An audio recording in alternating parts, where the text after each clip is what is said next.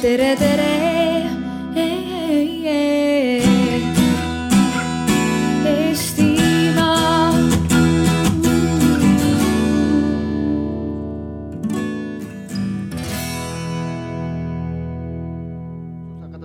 Nüüd siis noh, sellega siis nagu elatakse, eks. et aga lähme äkki selle tehnoloogia teemat nagu nokime edasi, siis lähme sinna pehmemate teemade üle, mille, mida see uus muutuv tööturg siis meile toob, et. Et ma lugesin ühte McKenzie raportit, kus räägitakse siis kolmest tüüpi tööst, mis ennekõike ära kaob. esimene on siis selline töö, mis puudutab igasuguste andmete kogumist. eks kui varasemalt keegi sisestas mingeid andmeid Google'i Exceli tabelisse, siis selliseid rolle enam pole siis järgmine amet, mis kaob ära või funktsioon on kõikvõimalik andmeanalüüs. et kui meil on siin mingit tüüpi andmed kuidagipidi kokku saanud, eks, et siis nende pealt mingisuguse analüütika tegemine, mingite üldistuste tegemine, võib-olla sellised sotsiaalsed järeldused on nagu inimese teha, aga sellised äh, aritmeetilised järeldused, need teeb arvuti ära. ja kolmas on siis see, et, et füüsiline töö, mis on äh, hästi struktureeritud ja enne nii-öelda sellises ennetatavas keskkonnas mm -hmm. ehk siis Selveri müüja näiteks on ju, et ta on hästi nagu noh, funktsioonid loetletud täpselt, mida ta seal teeb. noh, klienditüübid, kes sinna võivad sattuda, on ju. noh, kõik see asi on võimalik, noh, põhimõtteliselt on nagu defineeritav, ta on manuaali kirjutatav, ehk siis järelikult on algoritmile selgeks, isegi mitte õpetatav, algoritm on programmeeritav selliselt tööle ja, ja, ja lahendab selle asja ära nüüd keerulisemaks lähevad jah, siis ja tegelikult, kui me räägime maailma mõttes sellest tehnoloogia revolutsioonidest, ehk noh, see arvutilõhkujate põlvkonda me oleme ennem siin näinud, on ju aga tegelikult on ju kolm lainet olnud, et esimene oli selline noh, tööstuse automatiseerimine või, kus tegelikult siis äh, nii-öelda musklilt pandi juurde ehk siis autotööstus tüüpiline näide, eks, kus nagu tegelikult inimkäelist tööd asendati tegelikult tööstusrobotitega, programmeeritud tööstusrobotid, eks. no siis me nägime, et teine laine oli selline lihtsate funktsioonide arvutile üleandmine või noh, panga kontekstis rahaautomaat, eks. noh, algoritm on ju, mida masin peab tegema, kui sa sinna PIN koodi sisse paned ja ütled talle, mida ta tegema peab. ehk siis selgelt sellised noh, defineeritud tegevused anti üle masinale. Ja nüüd kolmas põlvkond ja miks öeldakse, et see on selline murranguline, on see, et tegelikult siis tehisintellekt ehk siis õppiv algoritm võtab üle mõtlevat tööd. ehk siis seda, milleks teda ei ole võimalik programmeerida täpselt, et tee seda, kui sajab vihma ja kui vihma ei saja, tee seda, eks. Aga et ta ise mõtleb. Ja nüüd on seda arvutit õpetatakse kahte moodi või algoritmi, üks asi on see, et teda õpetatakse et noh, ma ei tea, see on kass ja see on tool ja see on lava, onju. ja, ja selle, mida paremini noh, igasugune pildituvastus näiteks onju on võimalik, noh, õpetataksegi arvutis teatud parameetrite järgi inimese nägusid näiteks eristama, onju. ja teine pool on siis see, et kus arvuti ise õpib, algoritm ise õpib äh, siis suurte andmete põhjal.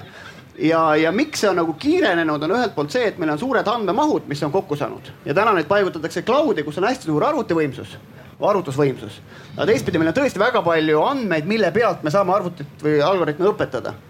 ja see on see küsimus, et, et eh, üha intelligentsema rolli suudab arvuti üle võtta, aga samas öeldakse seda, et see sotsiaalne või see empaatiline osa, seda arvuti ei võta üle ehk siis seal ütleme, esimese liini töötajate olukord või roll muutub ja muutub üha olulisemaks selles kontekstis, kus tegelikult arvuti aitab mõelda. ehk siis arst diagnoosi paneb arvuti, arst suhtleb patsiendiga ja müüb talle selle idee maha, mida siis tegema hakata või tema perekonnale, püüab nagu mõtestada seda asja, eks. siis, kuidas me täna arsti koolitame, ilmselt see roll hästi palju muutub, eks. et millest veel räägitakse, Airbnb-s on data, data academy, ei data university on majas sees kus nad ütlevad, et kui vanasti oli sellise business intelligence oli juhtkonna teema on ju, noh, ma ei tea, mingi nõukogu ja juhatuse koosolekute teema, et meil on ilgelt palju kliendi andmeid, mis me nüüd nendega tarka pihta mhm. hakkame, eks. mida me nendele klientidele veel maha müüme, siis tänasel Airbnb näitel me näeme, kuidas tegelikult äh, kõikidele töötajatele tehakse uks sinna nii-öelda data university'sse.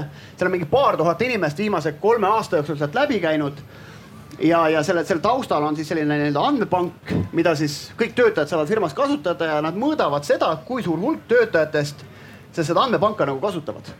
ja see kasv on mingisuguse kolmekümne viie protsendi peal kuhugile viiekümne juurde läinud. ehk siis, et nende suurandmetele ligipääs või sellele tarkusele või sellele, mida arvuti oskab meile öelda äh,, ligipääs peaks olema täiesti tavataseme töötajatel juba olemas.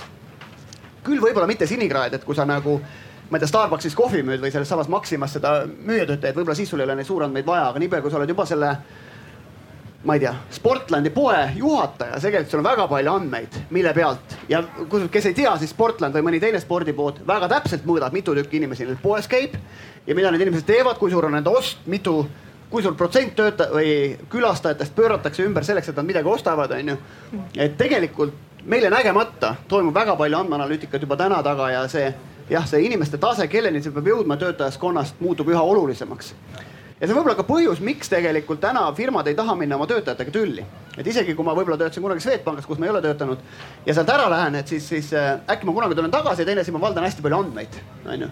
ja minu selline viisakus neid nagu kuidagi viisakalt kasutada, et ma neid nagu kurjasti ei kasuta, et ja LinkedInil on seetõttu ju tegelikult äh, lausa, kuidas on ta, alumni mingisugune network, mida nad hoiavad ka sellised nagu soft seltskond on ju, kes on nende firmades töötanud, enam ei tööta, aga äkki tulevad kunagi tagasi ja seda tegelikult sellega täiesti tegeletakse.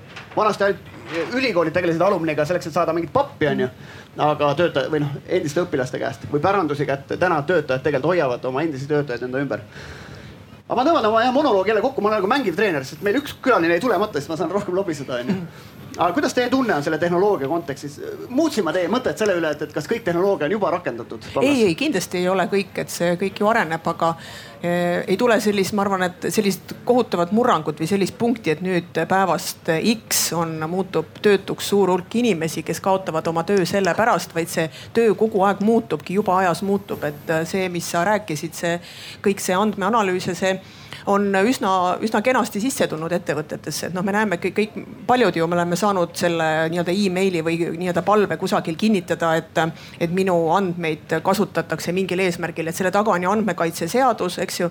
et, et, et meie andmed juba kusagil ringlevad, eks seesama, see andmeanalüüs on ikkagi üks võtme, võtmesõnum ja ma ei teagi, kuhu selle jutuga tüürida, öelda on õudselt palju, et aga just see, mis, mis ka puudutab võib-olla seda meie inimeste haridust ja haritust, et ma olen olnud mingi hetk äh, päris mures sellepärast, et me oleme koolitanud kohutavalt palju erinevaid majandusega seotud erialasid.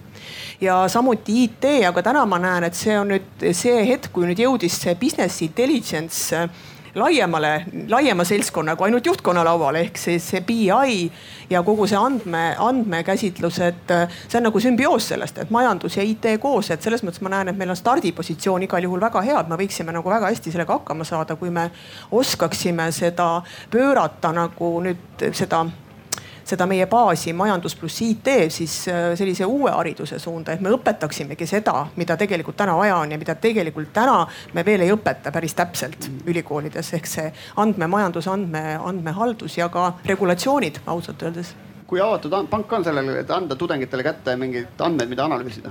praktikandid näiteks. no selleks on äh, teised, äh, peab olema avatud, et ega sa ei saa ju töötajaid endale, kui sa kogu aeg no, kõike Facebook nagu kaitsed, et ja sellise, loomulikult on äh, pank ikkagi, me oleme väga konfidentsiaalsed, mis puudutab meie klientide andmeid, aga selleks, et seda turvalisust luua ühe töötajaga, on ikkagi, kaitseb tööandjat ka tööseadusandlus. nii et ma arvan, inimest tuleb usaldada tuleb õiged inimesed tööle võtta nüüd me saime corporate maailmast nagu selle tunde kätte, aga me teame seda, et kui me räägime töö tulevikust, on üks asi, et see korporatsioon on kuningas, suured lähevad veel suuremaks, me näeme seda, eks. aga samas on, on kogu see noh, seesama freelancer, no see vabakutselisus ja väikestes kooperatiivides, MTÜ-des, startup ides töötamine, selline juhutööd. et, et kuidas nagu sealtpoolt vaadatuna need inimeste oskused vastavad siis nendele, sellele muutuvale rollile et kui sa oled iseenda nagu peremees ja sa pead paljude muude asjadega hakkama saama, võib-olla kui eriala, mida sa oled kuskil koolis õppinud, et kuidas ta demograafi vaatevinklist tundub? tulen selle, selle küsimuse juurde tagasi, aga, aga sa alustasid sellest ka natukene, et eks ole, et see tööturg on muutumas ja paljud töökohad on üle võetud ja ja noh, alati, kui me mõtleme tulevikku, siis on noh, väga nagu loomulik see, et me oleme nagu murelikud. et noh, et, et mis see tulevik toob, et, et mingid töökohad kaovad ära ja automatiseeritakse, aga samas jälle, kui me vaatame siis pikas ikkagi ajaloolises perspektiivis, mis tööturul on toimunud, et noh, need töökohti ära võtvaid uuendusi on ju läbi ajaloo tehtud ju pidevalt ja ja noh, mis pigem on toimunud, on see, et inimesed on saanud liikuda järjest tasuvamatele ja, ja rohkem nagu mõnu pakkuvatele ka töökohtadele, et, et ei ole sellist rutiinset ja, ja igavat tööd, et et ma arvan, et, et see murelikkus on kahtlemata vajalik, aga tavaliselt äh, ütleme, ajalugu ei kinnita, et see, see oleks väga-väga nagu tugevalt realiseerunud. See... korra, korra segan vahele, sotsioloogi vaatevinklist, et aga kui suur osa inimestest siis saavad seda mugavat tööd endale lubada mm? -hmm. et te, te ütlesite, vaata need, kes hääletavad igast tagasimineku nimel on ju, nad vist ei saa sellist tööd lubada või? nojah, kui tulla nüüd veel kord, et ma arvan, päris mõistlik on vaadata ajalukku tagasi, et meile meeldib arvata, et me oleme väga uudses situatsioonis, et, et no miks masinapurustajad nii-öelda purustasid masinaid, miks sellepärast nad tahtsid tööd saada, vaid sellepärast neil polnud sotsiaalseid garantiisid toonases maailmas et noh, kahtlemata neid asju tuleb vaadatagi kompleksselt, et, et väga võimalik, et ka mingite sotsiaalsete garantiidega tegelemine mingis nii-öelda üleminekufaasis või puhverfaasis on ikkagi üsna oluline, seda ilmselt saab siin olla teatav korporatiivne vastutus, aga noh, seal on väga paljud tegutsejad üheskoos. aga noh, mida ma muidugi näen, et, et põhimõtteliselt võibki olla siin nagu nii-öelda kolm kolm nagu muutuste trendi. et ühelt poolt kindlasti need, kes on hea meelega tulevad Swedbanki ja teistesse organisatsioonidesse, kellele pakutaksegi vahvamaid töid, mis ei saa, mis, mis, mis ongi siis sellised, mida masinad ei saa teha. esiteks küsimuste esitamine sa ütlesid, et iseõppivad süsteemid, neile süsteeme peab millegi peal välja õpetama, süsteemidel peab esitama küsimusi. et see nii-öelda küsimuste esitaja, ma isegi ütleksin, see, kes, kes ka valdab niisugust loomingulisust. teine pool on tõepoolest see nii-öelda empaatia pool ja igasugune selline nii-öelda hoolitsemine, mida võib-olla masinad nii hästi ei suuda. mis väga võimalik, et on teatav selline tõesti töökohtade nii-öelda suur ümberstruktureerumine, mis on ajaloos toimunud varemgi tööstuselt teenindusele näiteks ja no kolmas asi on nüüd see, mis on nii-öelda võib-olla siis kõige nõudlikum osa ühiskonnast, et ega, ega need uuringud, mis on näidanud, et tööga rikkaks ei saa hakkavad üha rohkem levima, Piketty ja teised, kes, kelle puhul küll väga palju vaieldakse vastu, aga põhimõtteliselt õppimist sa õpid, võib-olla tööandjatel väga meeldib see öelda, et õpi järjest paremini ja, ja saad järjest paremad töökohad, aga, aga pigem, pigem seda lootust on, on järjest vähematel inimestel, et, et sellepärast ikkagi ka seesama nii-öelda ettevõtlusega tegelemine, ise endale nii-öelda töökoha loomine, ma arvan, et ka see on ikkagi tulevikutrend, mille, mille peale peavad vaatama ilmselt nii hästi võib-olla ka nii-öelda ettevõtjad kui ka kindlasti nii-öelda hariduse pakkujad, et väga võimalik, et siin võib ka nii-öelda olla, et ma ei tea, selle asemel, et minna väga tülli kuidagi järjekordse palgasoovi pärast oma, ma ei tea, tipptasemel töötajaga, mõtle parem, kuidas me saame teha võib-olla mingisuguse nii-öelda ettevõtte koos nii-öelda riskikapitali panna. Need mugava töö tegijad, need kipuvad olema kõige suuremad töönarkomanid tegelikult. kui me vaatame LinkedIni andmebaasi, CV-de andmebaas, valgekraede oma, see on see kamp, kes töötab üle ei tööta üle see, kes pole eriti koolis käinud. sellega on teine probleem, see magab, elab ema juures Saksamaal kuskil maapiirkonnas ja mängib arvutimänge ja ta on teistmoodi nagu tööturult eemal. aga just, et üle töötab tegelikult see intelligents, kes tegelikult, kui me räägime siin kolmekümnendatel oli sarnased uuringud ju. arutleti, et mida masin teeb inimesega, arvati ka, et annab rohkem meile puhkuseaega. et meie suur probleem on seda, mida vaba ajaga pihta hakata noh, tõsi, meil osad sellised headest peredest pärit lapsed kipuvad sinna ISISesse minema, sellistesse asjadesse, kui sul sotsiaalne roll puudub. kas sa lähed spordiklubidesse või ISISesse suhteliselt noh, need driver'id on sarnased seal taga. mingi protestivaim ja teistpidi sa lähed enda aega täitma ja rolli otsima. aga ma nüüd Tiidu mõttel on ka vist katkestasime ära sellega. jah, ei. ma tahtsin võib-olla selle koha pealt jätkata, et kuna see noh, tööturu iseloom ja, ja kõik need äh, asjad nagu muutuvad järjest kiiremini ja, ja ka ütleme, see meie tööaeg ju, eks ole. pensioniiga järjest äh, pikeneb, siis kindlasti üks nagu oluline võtmesõna on see, et, et kas see õpiaeg ikkagi peaks, peaks nagu pikenema, et meil on siin praegu seda kaks ilusat T-tähte seal esimeses kastis, aga mida minu ja see nagu Raul Eamets, mu hea, hea kolleeg ütleb, et see on nagu sellist varasemat olukorda hästi iseloomustanud, kus meil on nagu mingid üldteadmised ja siis on mingis valdkonnas on süvateadmised.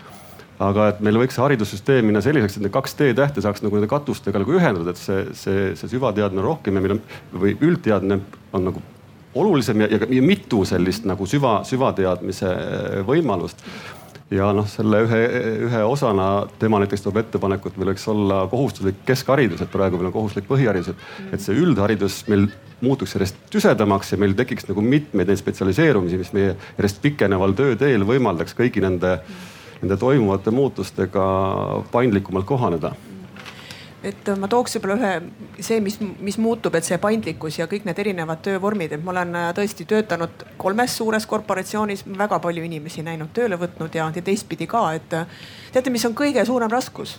kõik teavad, kõik organisatsioonide personalijuhid ja juhid, muutused. et tegelikult inimesed ju ei taha muutusi ja see, mis panebki mind mõtlema, et selles paindlikkuse või sellises suuremas ebastabiilsuse nagu kontekstis, mis hakkab tulema. et, et ikkagi, kuidas inimesed kaasa lähevad sellega, et seesama muutumis- ja kohanemisvõime, et selle teega ma olen väga nõus. ainult, et see eeldab seda, et inimesed peaksid ise olema väga huvitatud sellest õppimisest, kohanemisest ja muutmisest. et kuskilt mingi uuring äh, ütleb et, et viisteist protsenti on need, kes on hästi motiveeritud Eestis. nüüd kuuskümmend viis protsenti on need, kes jäävad, kes on juba passiivses või mugavustsoonis, kes väga ei taha midagi ja alumine on siis need kakskümmend viis, kes on on nii-öelda mingi vastuhakk või vastutöötamine või mingi midagi sellist et.... aga, aga lasteaias on nad kõik motiveeritud, mis nendega juhtub siis, et nad selliseks stagnantideks äh, no seda peab haridussüsteem ütlema, mina näen seda, seda seltskonda, kes tuleb tööle ja tööandjad sageli, no miks, miks tööandjad peavad tegelema sellega, et see kõik teavad, et on ikka motivatsioonisüsteemid ja erinevad väärtuspakkumised ja et see et ikka kuidagi seda energiat üleval hoida, et inimesed tahaksid teha ja panustada ja oleksid õnnelikud seda tehes. Midagi siis nagu juhtub eh, sealt teelt kooli ja jõud, jõud siis tööandjana jõudmiseni. ma arvan, ma arvan, et kui nagu inimene saab teha mingi otsuse, üks otsus, mida tasuks teha, on see natuke naljaga pooleks on, on see, et, et valida, kas sa oled nagu optimist või pessimist et optimist, tegelikult on terve rida uuringuid, mis ütlevad, et optimist elab kauem, tal on viis korda väiksem tõenäosus langeda stressi. tema jaoks on üldiselt klaas pooltäis kui pooltühi. ja mis on, muidugi seal on teisi asju ka, ma ei tea, corporate maailmas, kuidas sobib, et optimisti, kuidas seda öelda, optimisti minut on pikem kui tegelikult minut mm. -hmm see on meist põhjus, et optimist näiteks jääb hiljaks alati või tihti või, või tema paneb kalendrisse rohkem asju, kui ta tegelikult jõuab nagu ära teha või, või, või. aga samas, kui teil on see pessimist seal kümme minutit ennem koosoleku algust kohal, kellest pole muhvigi kasu, on ju, noh, on ka nagu, eks et tegelikult ütleme seda viiteist protsenti, ega me tegelikult ei salli väga corporate maailmas, samamoodi riigimaailmas. see on see, kes tegelikult toob muutuseid sisse, aga tegelikult teda üritatakse sinna nagu raami panna, on ju, et noh, tule see kell, mine see kell. noh, ma ei tea, kes on, kes on arhitektide, disaineritega suhelnud, ennem kella üht-teist ei ole mõtet helistada neile, nad ei võta toru või, või kui nad võtavad, nad ei tee tööd, eks. või, või kui ta ka teeb tööd, siis ta pole lainel, ta ei mõtle, mida ta teeb, et, et seetõttu nagu noh, ütleme, mida loomingulisemaks läheb inimene, seda keerulisem ta teist, teistpidi on ja mida rohkem sa selliste noh, ma ei tea, kes on teadlastega töötanud või arstidega, et, et nad teavad, et on nagu erilised fruktid tegelikult inimesena. aga nüüd, kuidas sa seda mängu nagu mängid mängiva treenerina selle tõttu, et noh, see, see tiim koos on nendest Ameerika nii-öelda korvpallimeeskond on ju staarid, staare täis, eks.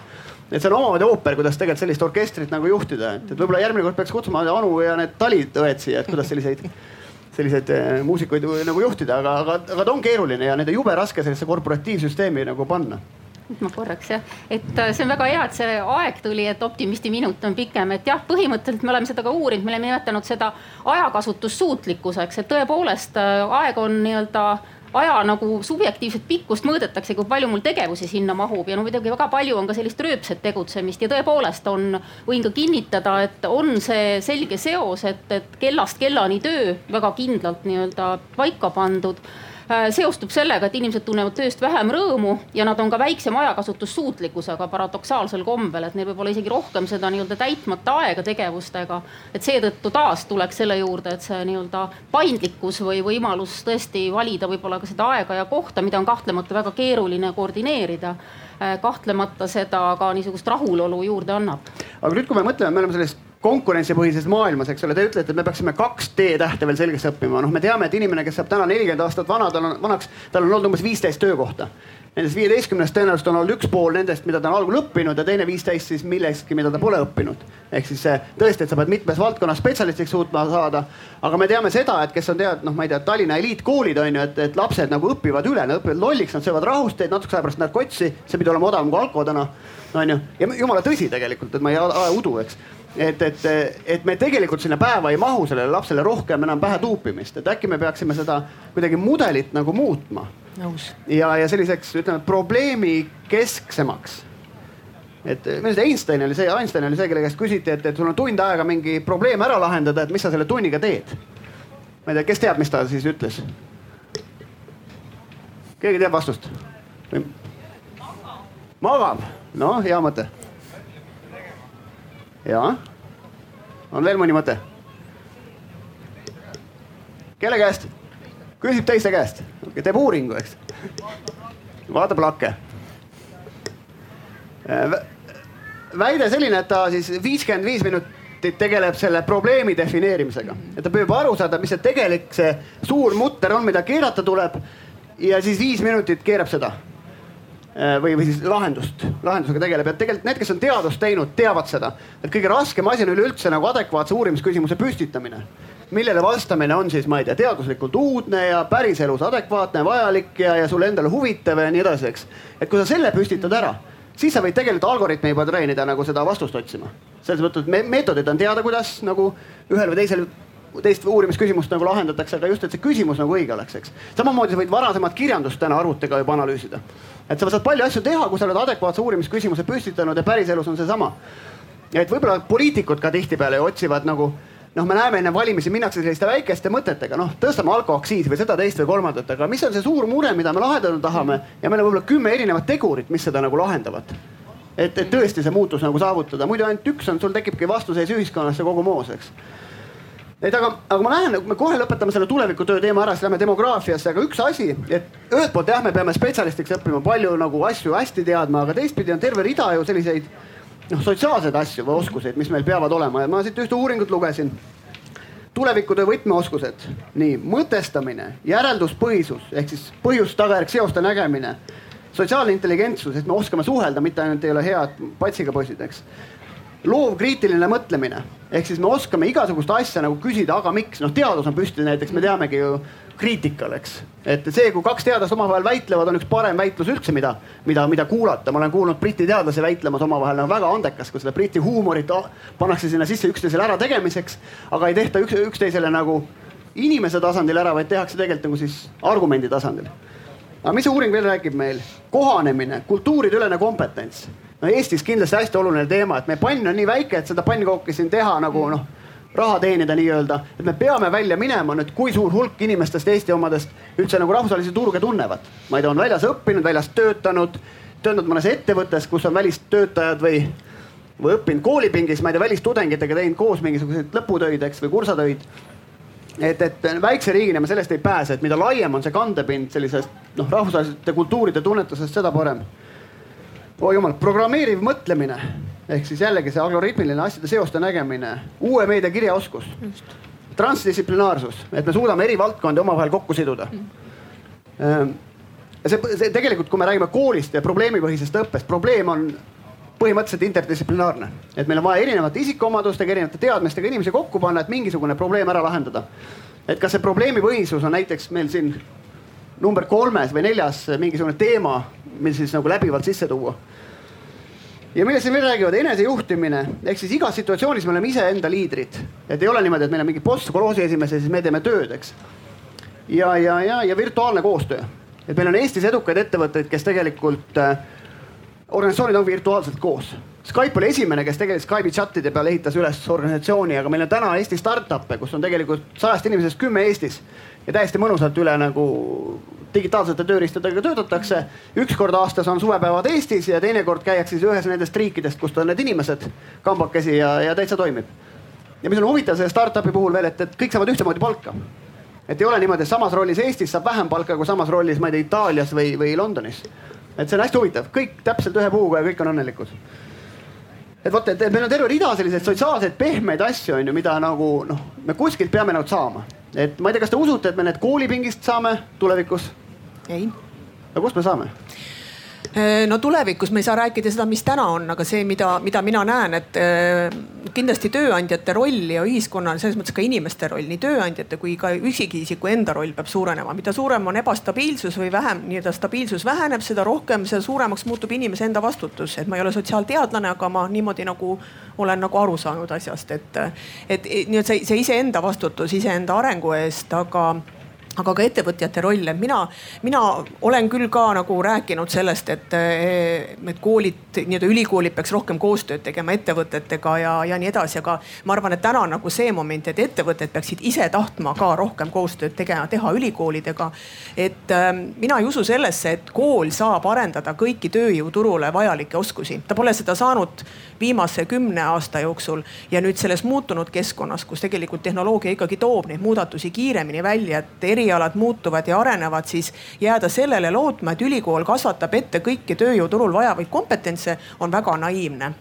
Et ja, ja ka kui vaadata meie Eesti nii-öelda siis seda tööjõuturgu ja meie ettevõtteid, et meil ei ole ka nagu niimoodi välja kujunenud selliseid väga kindlaid suundi, et meie ootused tööandjatena ongi väga erinevad, et me näiteks meil pangas on kolmsada nelikümmend, kolmsada viiskümmend erinevat tööprofiili. et oleks väga naiivne arvata, et me saame iga profiili jaoks sellise vastava ettevalmistusega inimese. samas on meil ka töötlev tööstus, kus on nagu väga erinevad sektorid, meil on palju startup'e, meil on, see paljusus on nagu väga suur. ehk et äh, näen siis, et inimene ise peaks hakkama mõtlema ja rohkem kandma vastutust oma arengu ja kasvu eest ja ettevõtted peaksid vaatama rohkem ülikoolide poole ja ülikoolid peaksid selle avatult vastu võtma, ehk et aga see tähendab seda, et me ikkagi kujundame ettevõtetele siis või mingitele valdkondadele vastavaid spetsialiste, aga teeme seda koos, mitte üksinda. ülikool juba hilja ei ole, et, et kui seal selle tuupimisega on kõik näpudega ühe pea pikkuseks taotud inimesele, et siis ta nagu äkki juba nagu hilja. seda muidugi, et see on juba nagu teine probleem, et mida me teeme inimestega lasteaias ja põhikoolis, et ma arvan, et kõige eeldus peaks ikkagi olema väga hea põhiharidus ja väga hea keskharidus ja siis need inimesed saavad ka väga hästi hakkama ülikoolis. hea haridus tähendab ikkagi nagu inimeseks olemise. Absoluutselt ja ja sedasama, mis sa välja tõid, see mõtestamine, analüüsioskus, see on see, mis juba täna on tegelikult äh, töötajatel puudu ja mida, mida tööandjad püüavad õpetada ja mida, mida inimesed ise püüavad õppida, aga see transdistsiplinaarsus, et see oskus nagu nii-öelda erineva, erinevate valdkondade vahel siis äh, nagu mõtestada, analüüsida, otsuseid teha, et see on täna juba nagu puudu, et äh, tundub, mis siis see, veel nagu edasi saab. ühisnimetaja tundub olema see probleemipõhisus, et see, me läheme, päriselu on ju probleemid, pangas lahendatakse mingit probleemi probleeme, kui sa ei tee tükitööd tellerina, eks. et, et siis nagu et kui selle oskuse õpetamise lahendab vist paljusid asju, aga ma korra panen ühe asja hääletusele siin, et meil on siin selgelt nagu liberaalne vaade selle üle, et inimene ise peab endaga hakkama saama. mitte ainult Teisku. inimene, et ikka ühiskond ja, ja kool ja. ja siis on selline sotsiaaldemokraatlik, et, et meil on turvavõrku vaja, et, et ku, kuidas teil on tunne, et, et see tuleviku töö, kas me vajame pigem nagu turvavõrku või, või kõik peavad jube tugevad isiksused olema, et, et kuidagi hakkama saada ise? Ise oma õnnesepad, et tõstame käed, kes arvavad, et inimene peab ise hakkama saama. Nonii ja, ja kes, et me vajame mingit turvavõrku kuule, see on pigem nagu liberaalne festival kui selline sotsiaal, sotsiaalne peab ütlema. mis sa siis ootasid? ma pean oma kaaned ära vahetama sellel pullal. aga võib, kui tohib, et ma võib-olla seda kooli teemat, et ma olen täiesti nõus selle, selle mõttekäiguga, mis siin on, aga aga võib-olla selle ikkagi selle kooli toetuseks, et äh, ükskõik millist uuringut me vaatame, mis äh, riigi kontekstis, siis äh, mida kõrgem on haridustase, noh seda kõrgem on, on sissetulek ja, ja üldiselt põnevam töö. et me võib-olla kipume seda kooli rolli ka ikkagi teistpidi natukene alahindama selles kiiresti muutuvas maailmas. see ei tähenda, et tõepoolest me hiljem ei peaks õppima aga, aga teistpidi, mida pikem on meie haridustee ja siit ka see mõte, et see keskharidus võiks olla kohustuslik, on on see, see annab sulle ikkagi õppimisvõime. et ma ei oleks seetõttu selle kooli teema suhtes, võib-olla vabandust, olen siin oma professiooni kaitsmas praegu, aga ma ei oleks siiski selle kooli suhtes nii kriitiline. aga see keskharidus peaks siis ka nagu muutuma või me saamegi neid hästi trillitud selliseid masinaga lihtsasti asendatavaid inimesi sealt? või, või see, kas nad lennutavad droone või kas nad tegelevad robotitega? kust tuleb see mõte, et nad on nii trillitud, et mul on ka kolmeteistaastane tütar käib koolis ja ja ma näen, et seesama probleemikeskne lähenemine, pidevalt teevad mingeid uurimistöid, rühmatöid, kannavad ette, et et see nagu arvamus, et kool üldse nagu muutunud ei ole, et ta on samasugune nagu üheksateistkümnendal, üheksateistkümnendal sajandil nagu nagu tihtilugu räägitakse, et see lihtsalt ei vasta tõele. mul oli tütrel eliitkoolis klassijuhataja, füüsikaõpetaja, kes esimene lastevanemate koosolek rääkis veerand tundi, miks ta ei taha see klassijuhataja tegelikult olla, onju. et meil tegelikult on seda nagu destruktiivset teistsugust ka nagu väga palju olemas. ja seesama tütar mul käis kunagi Inglismaal koolis, küsisin ükskord, mis sul koolis nagu õppida anti. vot kuramus, pidime hambaharja disainima. ma küsin, mis aine on, mis ainest te seda hambaharja siis nagu disainite? Sciences ehk siis, et meil on tegelikult aineid vähem aga nad on, seal on sees matt, keemia, füüsika, eks ja, ja noh sa kuidagi lahendad mingeid praktilisi asju, et, et meil on see õpikoormuse mahavõtmine küsimus tegelikult minusugune ei saaks eliitkeskkoolis never hakkama. mul on sada muud huvi. Eh, ma ei viitsi tegeleda asjadega, kui ma nende taga nagu mõtet ei näe. ja ma käisingi, ma arvan, Tallinna kõige nõrgemas keskkoolis. ma lõpetasin teda jeeli-jeeli ära. et, et eh, ma ei ole selle üle õnnelik, aga ma selle arvelt sain trenni teha ja muid elukoolis käia. Et, et, eh, et mingi hetk sa jõuad ise selleni, et sa hakkad õppima, onju aga, aga just, et see ütleme, ma ostan selle ära, et mida haritum on ühiskond, seda paremini meil üldjuhul läheb igal juhul. aga lihtsalt, et see haridus, noh, me peame tema mõttest nagu ennem aru saama, et äkki nagu noh, kuidagi paremaks tegema ja siis ütlema, et kõik peate seda saama mm.. Ma, ma testisin oma ideed selle mõtestatuse ja suurema nii-öelda selle vabaduse, mõttevabadusega. ma, meil oli sada tudengit oli just kohtusin, meil suveks võetakse ja meil on programm, kohtusin nendega ja, ja testisin ja küsisin, et kuidas te nagu arvate nende tuleviku kompetentside, mis me ootame. et kas täna kool võiks juba pakkuda rohkem sellist nagu mõtestatust, mitte ainult faktipõhisust, aga seda analüüsi ka nende numbrite taga ja sellist sotsiaalset analüüsi, siis ausalt öeldes eh, seltskond suvel muidugi ei ole väga aktiivne, aga selle peale nad tõesti noogutasid, üks veerandik sellest auditooriumist, et seda ootavad nagu täna koolilt juba ülikoolilt, et saaks nagu rohkem mõelda ja no. analüüsida, on ju. nii et midagi ikkagi võib-olla oleks vaja juurde lisada tulevikku silmas pidades. no nagu korraliku teadlasena ma siis küsin seda, et kas õpetajad seda suudavad täna, et alati me saame minna aste sügavamale me näeme ikka, et, et kuskilt king pigistab, et, et ehk siis minu, minu arusaam on see, et Eesti tulevik on kinni tegelikult kahe ülikooli, Tallinna Ülikooli ja Tartu Ülikooli kasvatusteaduskondades ehk siis sealt, kust tulevad välja tulevased õpetajad ja millised nad sinna tulevad, on ju, et, et aga see selleks. aga muuseas, Eestis on üks koolidirektor Hendrik Agur, kes pidi käima, kes käib ka, ma tunnen teda hästi mööda linna ringi, tal on paber taskus, kus peal on kirjas äh, tema enda tuttavate nimed, kellele ta teeb ettepaneku hakata koolijuhiks ehk siis, et palju on kinni meis endis, et kas me tahame minna neid üldhariduskoole juhtima või kas me tahame minna sinna kasvõi mingi poole kohaga mingiks õpetajaks. et see ei ole, et kuskil tehke, keegi teine kuskil teeb, eks. aga nüüd me läheme pidulikult siit esimese teema pealt siis teisele teemale, milleks on demograafia ma ütlen ainult ühe lause. ma lugesin Kristjan Lepiku mingit analüüsi, kus öeldakse seda, et aastaks kaks tuhat kakskümmend viis on meid sada tuhat inimest vähem tööturul. et osa läheb minema väljarände tõttu, vist oli kakskümmend kolm tuhat. Äh, äh, viis pooled on umbes see, et, et vananemise tõttu ja seal oli paar, paar argumenti veel, aga kui meid on sada tuhat vähem ja kui me selle tänase arvuga suudame teha noh nipa-napa kasvu, eks. et majandusinimesena ma ütleks seda, et me oleme negatiivses kasvus järgmine nagu kümned aastad, seda enam, kui meil seda dopingut nii-öelda euroraha näol sisse ei tule. et kuidas selle vähemaga nagu rohkem teha ja, ja mi, mis te sellest situatsioonist üldse arvate, on lootust? vähemaga rohkem teha, keegi tahab no.? pank on pannud juba suure osa kontoritest kinni, eks, masin on asemel. masin no,, masinad. kõigepealt ei... on natukene lihtsustatud ka see äh, nagu mehaaniline äh, lähenemine, et kui meil tööeas olevate inimeste arv väheneb, et sama palju väheneb ka töötavate inimeste arv, et siin Allan Puur tegi just äh, selle kohta hiljuti põhjaliku analüüsi ja näitab, et noh, et meil on tõesti tööealiste inimeste arv on meil, meil kõvasti kukkunud, aga töötavate inimeste arv pole, pole üldse, üldse kukkunud, et et siin on igasugused hõive, hõive kasvud ja, ja nii edasi, mis seda mõjutavad. nii et noh, päris nii mehaaniliselt me, me võtta ei saa, et, et palju meil on tööeas demograafilises mõttes äh, inimesi. ja ma ei tea, millal see Kristel Lepiku uurimus äh, oli, et võib-olla, kas see oli nüüd värske, aga aga noh, ju rändeuuringud või rändesuundumused näitavad meil ju seda, et, et tegelikult Eesti on, on, on saanud ju viimastel aastatel sisseränderiigiks ja, ja, ja ütleme Euroopa Liiduga ühinemise järel oli see peamiselt nagu kolmandate riikide Venemaa, Ukraina arvelt siis päris huvitav on see, et ma väga põnevusega ootan kaks tuhat seitseteist Soome rändeandmeid, et, et kas ka Soomega rändepööre on toimunud või mitte, et me oleme seal kuskil nibin-nabin, et et ka Lääne-Euroopa Soome, Soomega on, on see rändesuundumus veel muutumas, et, et mina küll ei ole kindel, et ka see arv ise kahaneb, et pigem ma julgeks panna panuse ikka sellele, et, et see, see arv kasvab vaadates seda, kui aktiivsed on tööandjad, kui aktiivsed on ülikoolid äh, välistöötajate ja välistudengite värbamisel, siis pigem minu panus on, et see arv kasvab. keegi teab ka sinna Arvamusfestivalile mõni inglisekeelne töötuba ka või, või venekeelne või?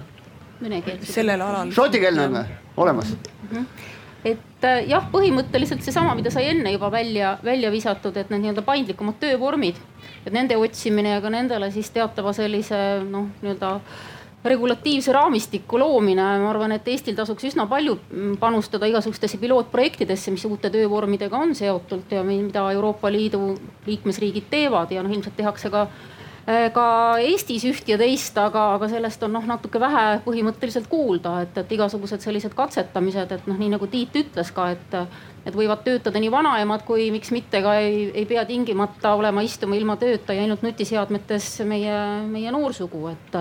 et igasugused sellised noh, kasvõi seesama ma toon, toon näiteks, kuna mul mitmed nii-öelda noored tuttavad on seda katsetanud ja ka üks kolleeg, et noh, niisugused Let's Work a Bit sarnased platvormid, mis on osutunud üpriski, üpriski huvitavaks ja, ja võimaldavad nii-öelda katsetada inimestel ja tegelikult ka muuta nii-öelda töökultuuri, et, et ka kõige nii-öelda mehaanilisemate või niisuguste teenindusrutiinide rutiinsemate teenindustööde puhul ikkagi nii-öelda tööandja on ka huvitatud, et lahkutakse suhteliselt rõõmsana ja ei kommunikeerita kuidagi, et see on vilets tööandja. et sellised väiksed äh, noh, nii-öelda arendused võivad, võivad seda, seda töö, tööhõive enda noh, nii-öelda püsimist, äh, hõives püsimist üsna palju mõjutada jah, ääremärkusena mul tuleb meelde see GoWorkabit vahendab põhiliselt selliseid lihtsaid töid, eks. Äh, samas on olemas üks portaal, mis on ka lihtsad tööd, aga sellised monteerimise tööd on, on see TaskRabbit, mille ostis ära IKEA sest IKEA mööblid käivad mingid tüübid kokku panemas inimestele, sest kõik ei oska panna. ja nüüd ja kuivõrd suur osa nendest kokkupanijatest oli vahetatud, vahendatud Taskrapiti kaudu, siis nad ostsid selle startup'i ära ja, ja, ja sealt edasi on tegelikult portaale täiesti, kus professionaalset tööd, jällegi tööd, mis on kuidagi defineeritav, saab müüa. disainerid müüvad, programmeerijad müüvad oma tööd. mul üks EBS-i gümnaasiumilõpetaja, üks kutt, tema ütles, et tema elab mingil soojal maal ja teeb aeg-ajalt eh, sellist, eh, teeb ka andmeanalüütikat. sellist mm -hmm. erinevate uuringute sellist eh, andmetöötlust. Ja täiesti vabalt võid elada nagu Indoneesias kuskil või Pali saarel ja, ja teha ka sellist tööd et ehk siis on see, et see töökoha paindlikkus on rohkematele inimestele täna kättesaadav tänu sellele. ma arvan ka, et äh, mina olengi loomult see optimist ja hilineja, eks ju, aga ma olen ka üsna positiivne selle, noh, meil on siin hirmud, et, et meil jääb siin töötajaid väga palju puudu ja ma arvan, et see maailm muutub nii palju selles mõttes küll, et need tööd muutuvad kogu aeg, et ma ei usu, et meil töötajaid väga palju puudu jääb. et just sellepärast, et ettevõtted ikkagi väga palju samm-sammult investeerivad tehnoloogiasse, et Äh, ma võtan siin oma eelmise tööandja, kes on Ericsson, et kus, kus mingil hetkel oli ikkagi väga suur masstööde, masstootmise osakaal. täna ma vaatan aastaaruandest, et nende käibenumbrid on jäänud samaks, aga ma tean, et seal on muutunud nagu tööde sisu. ehk et me pakume täna palju kallimaid töid Eestis siin ja me pakume inseneridele, kes tulevad samuti üle maailma, et äh, et selles mõttes nagu äh, me teeme ja jätkame, aga me hakkame tegema rohkem seda nagu mõtestatult, mõtestatud tööd, et see, kuhu me tahtsime liikuda, mida kunagi Marju Lauristin ütles, et meist, me peaksime olema teadmuspõhine. mulle tundub, et me liigumegi sinna suunda. et, äh, et, et selles mõttes ma ei oleks, ma ei oleks nii murelik, aga ma olen sellepärast võib-olla murelik, et, et me saame sellega ainult siis kaasa minna, kui inimesed ise nagu lähevad kaasa sellega. sest uus põlvkond õpib, et see Y ja Z, nad õpivad mingeid muid asju, nad on juba võrgus, eks ju.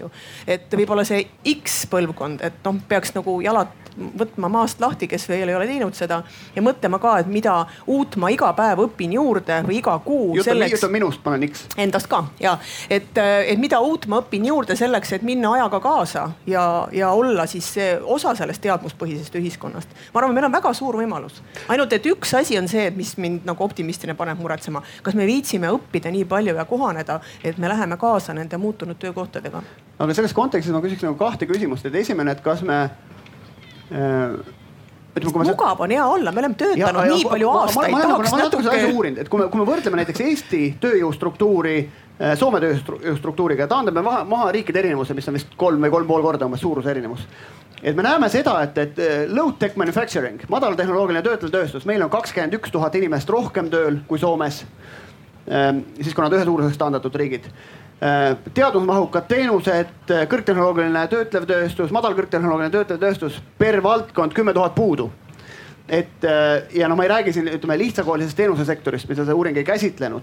ehk siis meil on hästi suur nii-öelda selline noh, tööturu disproportsioon nii töökohtade kui, kui töötajate mõttes ja noh, kui sellele otsa vaadata, mul on tunne, et noh, see näitab ainult nagu suuremahulist adekvaatset ümberõpet mm. ilma milleta ei ole võimalik nagu nii-öelda seda keerukamat, kallimat intelligentsemat majandust siin hoida.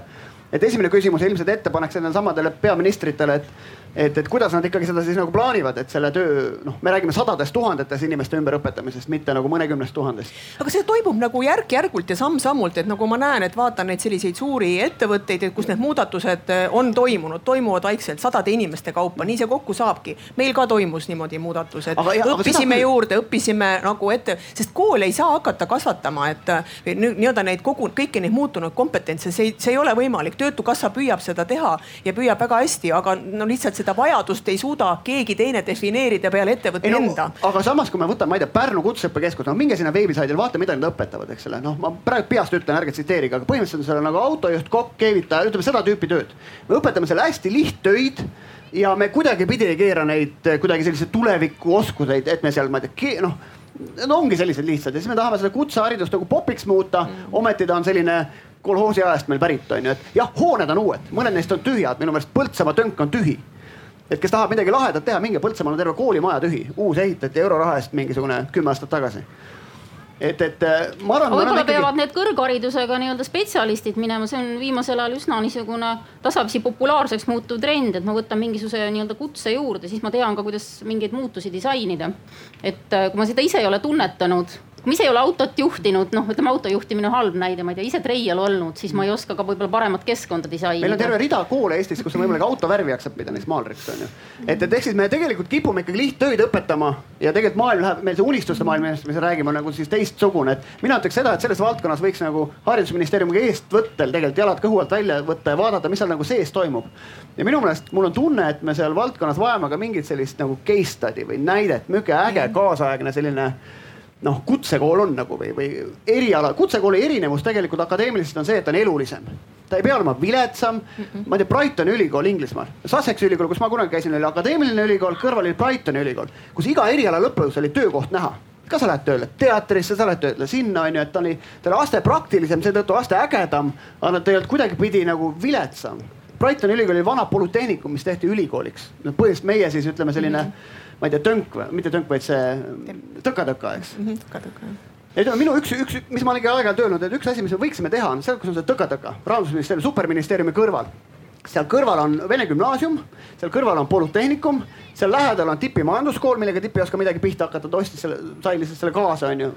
ja seal kõrval on ehituskool kilomeeter et miks ei võiks me need koolid kuidagipidi kokku panna, teha ühe ägeda sellise interdistsiplinaarse kutsekooli või rakenduskõrgkooli ja näidata, et tegelikult selline praktiline õpe on korda ägedam kui, kui see akadeemiline selline noh, filosoofiks õppimine, mis on ka kihvt muidugi. aga kus nagu tööd leida on märksa raskem, eks. et, et aga me, me nagu ei viitsi neid ägedaid piloote ka teha, eks et ma ei tea, kuidas see Paides nüüd on, Paide ehitab riigigümnaasiumit, et kas nad ehitavad selle kutseõppekeskuse juurde või nad ehitavad ta ikkagi eraldi aga ühesõnaga, me oleme demograafiast, ühesõnaga kui. tegelikult siin võiks ühe teema veel sisse tuua, oleme me tegelikult ka avatud. et, et kui me saame ümber õpetatud ennast ja nii edasi, et, et ja siin juba on šoti keeles on äh, debatid on ju, mul on tegelikult, ma vaatasin see Sten Tamkivi, Skype'i juht, kirjutas Memokraadis mingi aeg mingi jutu, ta tegi teleporti juhtis ja seal nad loetlesid üles, et mis on olulised siis need teadmustöötajatele, kelle maailmas on mingi seitsesada miljonit, liiguvad ringi, töötavad seal, kus on ägedam täna me teame tegelikult, et inimene, kapital läheb sinna, kus on ägedad inimesed. ägedad inimesed lähevad sinna, kus on teised ägedad ees. Vastu, vanasti oli vastupidi, et oli kuskil töökoht on ju, siis pandi noh, perekond ja koer ja naised või naine ja koerad varmide autosse ja sõiti teise osariiki. päriselt ka, et mingi Detroit autotööstusesse näiteks, eks. et täna vastupidi, minnakse sinna, kus on ägedad inimesed. ja mida siis äh, Memokraadis Sten kirjutab?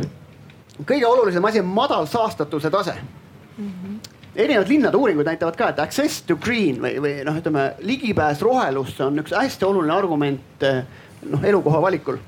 Teine on madal kuritegevuse tase, kolmas on tolerantne ühiskond. tõstame käed, oleme tolerantne ühiskond või ei ole, kes arvab, et oleme? üks käsi, kaks kätt. ei ole. no näed. kuidas on see, Lennart Meri liigub sitt-seis võib-olla me oleme kriitikameelsed. olgu see meie tuleviku väetiseks oli selle tsitaadi teine pool, eks. Ja siit edasi, tolerantne ühiskond, järgmine oli madalad elamiskulud, madalad üürid, kvaliteetne tervishoid, jala ja rattasõbralik, hea ühistransport, elav idufirma kultuur, kasvav majandus, madal korruptsioon et meil on siin ridu, milles me oleme täitsa okeid ka, aga just see tolerantsuse käsi oli hästi ilmestav. et äh, ja just noh, siin on argumendid, miks see nii on tegelikult ka. no see oleks sellisel juhul, kui me pakume välja ennast nii-öelda elamiskeskkonnana.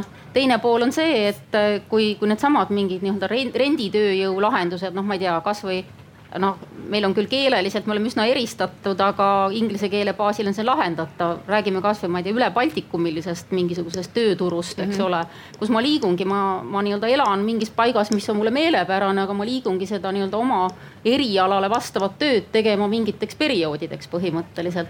mis võib ka oluliselt suurendada ikkagi seda, et inimesed noh, ma ei tea, väga kaugele ära ei lähe, jäävad regiooni näiteks muide, see, see, mis me siin tegime, see vaatlus, et kaks kätt oli püsti, et me oleme tolerantne ja ülejäänud ei ole see on tegelikult adekvaatne, representatiivne selle grupi peal siin küll, aga tegelikult ta ei ole, argumenti ei ole seal taga. et kui me teistpidi hakkame argumentidega vaatama, näiteks Tallinn on sama ta,, turisti arv Tallinnas on sama suur kui turistide arv elaniku kohta Helsingis või Stockholmis. et me oleme üsna avatud tegelikult selles kontekstis, aga nüüd on küsimus, et kas nad meile enne tagahoovi laseme mm. -hmm. et ma olen kunagi Taanis õppinud, ega taanlane ei lase ka teist inimest.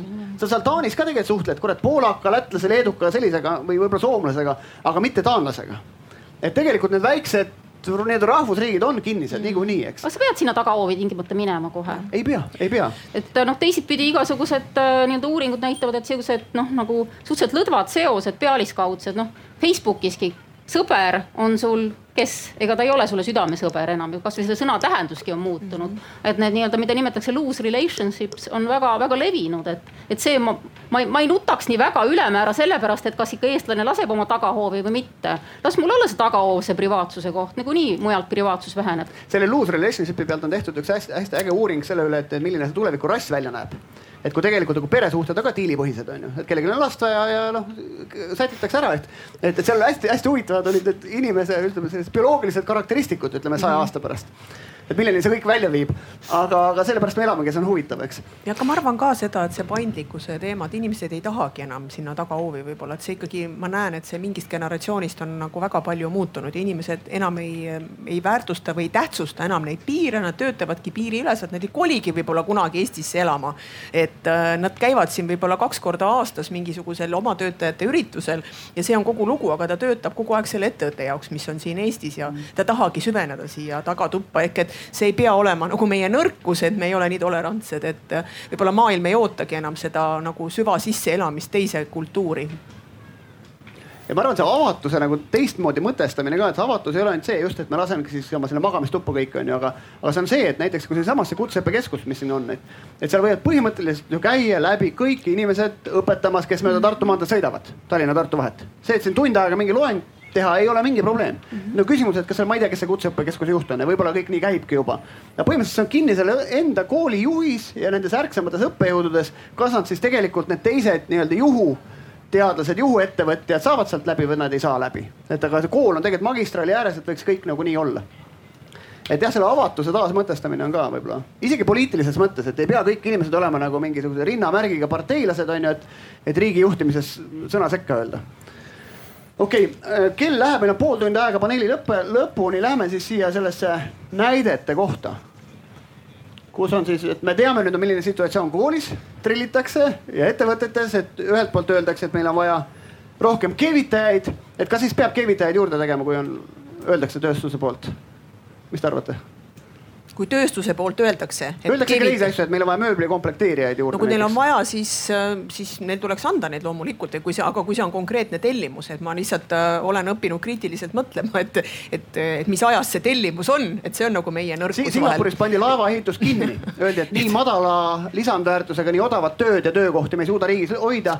ainukesed odavad töökohad, mis seal riigis on kohalikele, on takso, taksojuhid ja, ja kõik ehitajad on välismaalased hakatakse torne ehitama, tulevad indoneeslased sisse, elavad konteineris, teevad bambusest oma selle saja meetri või, või poole kilomeetri kõrguse nagu estakaadi ja ehitavad valmis, osad kukuvad alla, kümme tükki maja kohta ja, ja maja valmis ja lähevad tagasi. ehk siis inimõigusega väga palju ei ole, aga hästi pragmaatiline, et me lihtsalt ei taha neid lihttöölisi enda juures hoida. võib-olla keevitaja on väga hea näide, et keevitaja ei ole väga madala lisandväärtusega, et aga ta on, ta on lihttöö, ta on, ta on, ta on spetsialist, aga ta on ikkagi.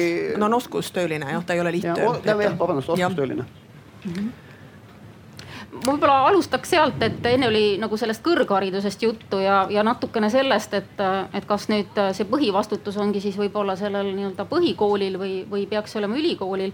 eks see ole ilmselt nii ja naa, aga üldiselt igasugused prognoosid näitavad, et ainult keskhariduse baasilt tööd ei saa mm.. ehk siis see kukub kõigepealt, et lihttööd on isegi veidikene vähem ohustatud, aga just see nii-öelda keskharidus, et sa pead siis juba minema nii-öelda otsustamagi, kas no., kas sul on nii-öelda lihtne elu või, või, või pead siis ennast nii-öelda arendama.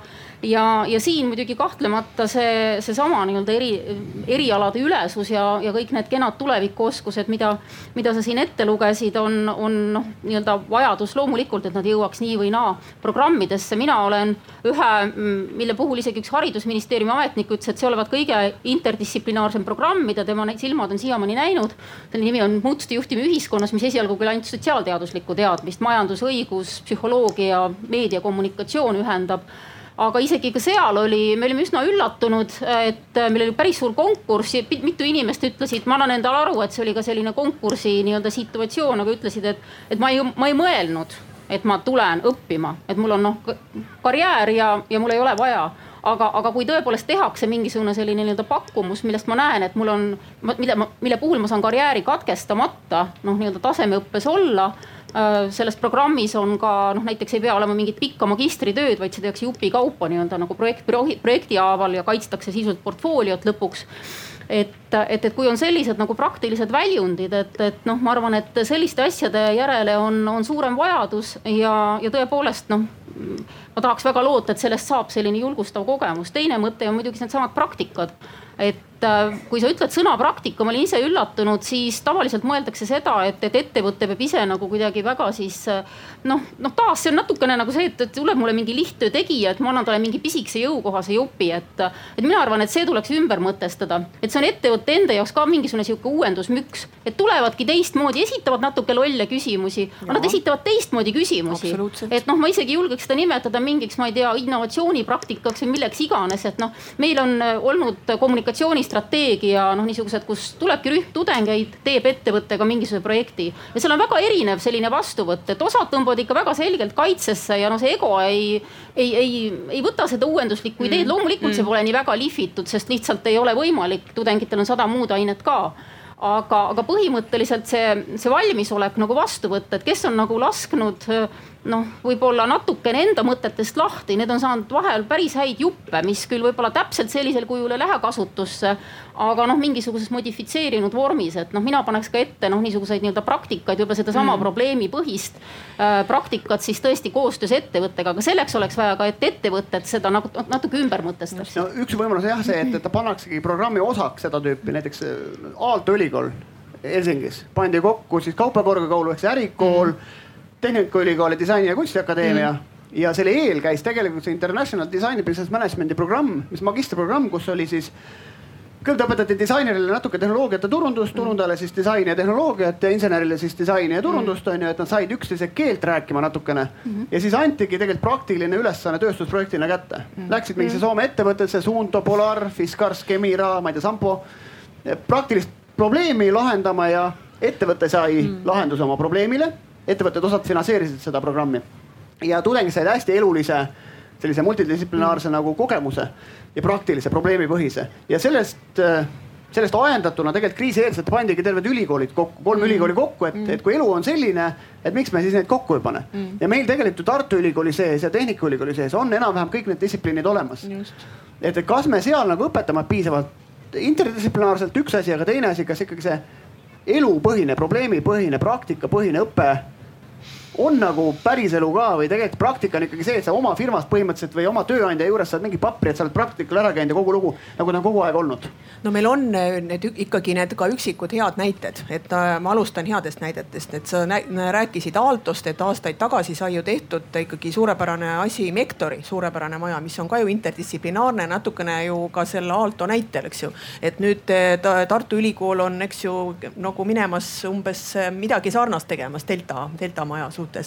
Et aga see, me, kes ei tea, et minge ja uurige, seal see, seal see interdistsiplinaarsus töötab, aga ta töötab ilmselt nende jaoks, kes on ikkagi väga aktiivsed.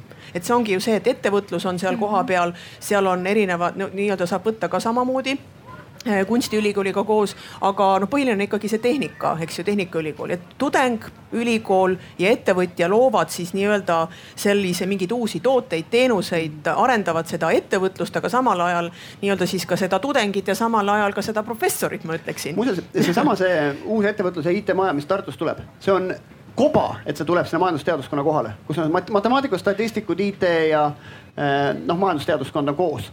ta oleks peaaegu tulnud ka sinnasamma, sinna Maarja mõisamäele see oli tegelikult Tartu startup'i kogukond ja seal mõned aktivistid veel, kes mhm. sai susserdatud, mitte susserdatud, aga mm -hmm. loobitud, tegelikult ta tuleks sinna. ülikool oleks tahte ehitada sinna taha.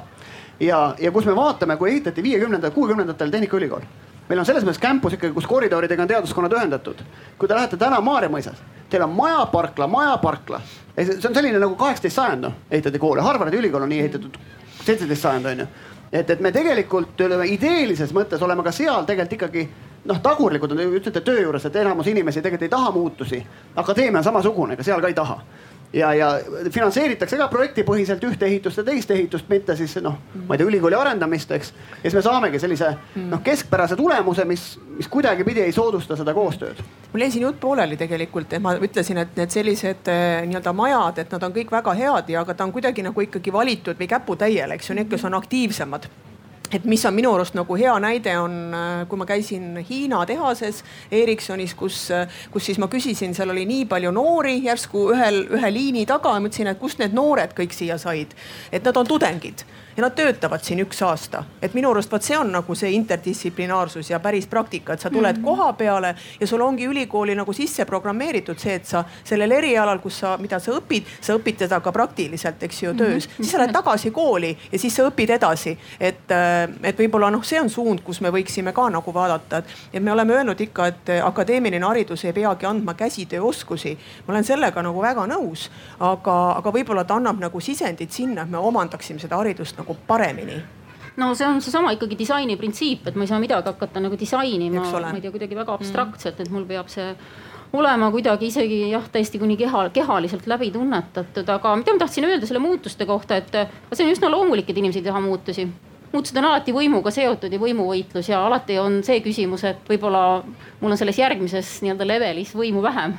ja, ja seetõttu ikkagi ka see, et, et milleks, milleks need muutused on või, või seesama niisugune noh, mida nimetatakse nii-öelda motivatsioonisüsteemiks, me kipume seda väga isiku tasandil nagu äh, mõtestama, vaid pigem peab see olema nagu ka mingisugune visioon sellest, et okei okay,, aga kuidas siis see, ma ei tea süsteem, olgu ta siis organisatsioon või isegi ka mingisugune väiksem, et kuidas, kuidas ta siis tulevikus, milline on ka minu sõnaõigus seda näiteks kujundada, nii et.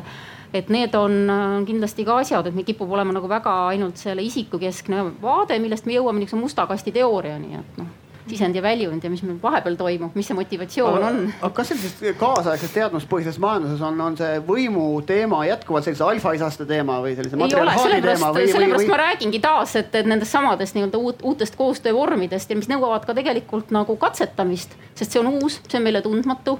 ja noh, mida ma näiteks alati ütlen oma tudengitele, kui, kui nad nagu võib-olla natuke kirtsutavad nina, et miks ma peaksin sellise valdkonnaga tegelema. ma ei ole, mina, mina armastan teha seda seda ja teist ja kolmandat ja nüüd ma pean järsku praktikas tegema mingit valdkonda C.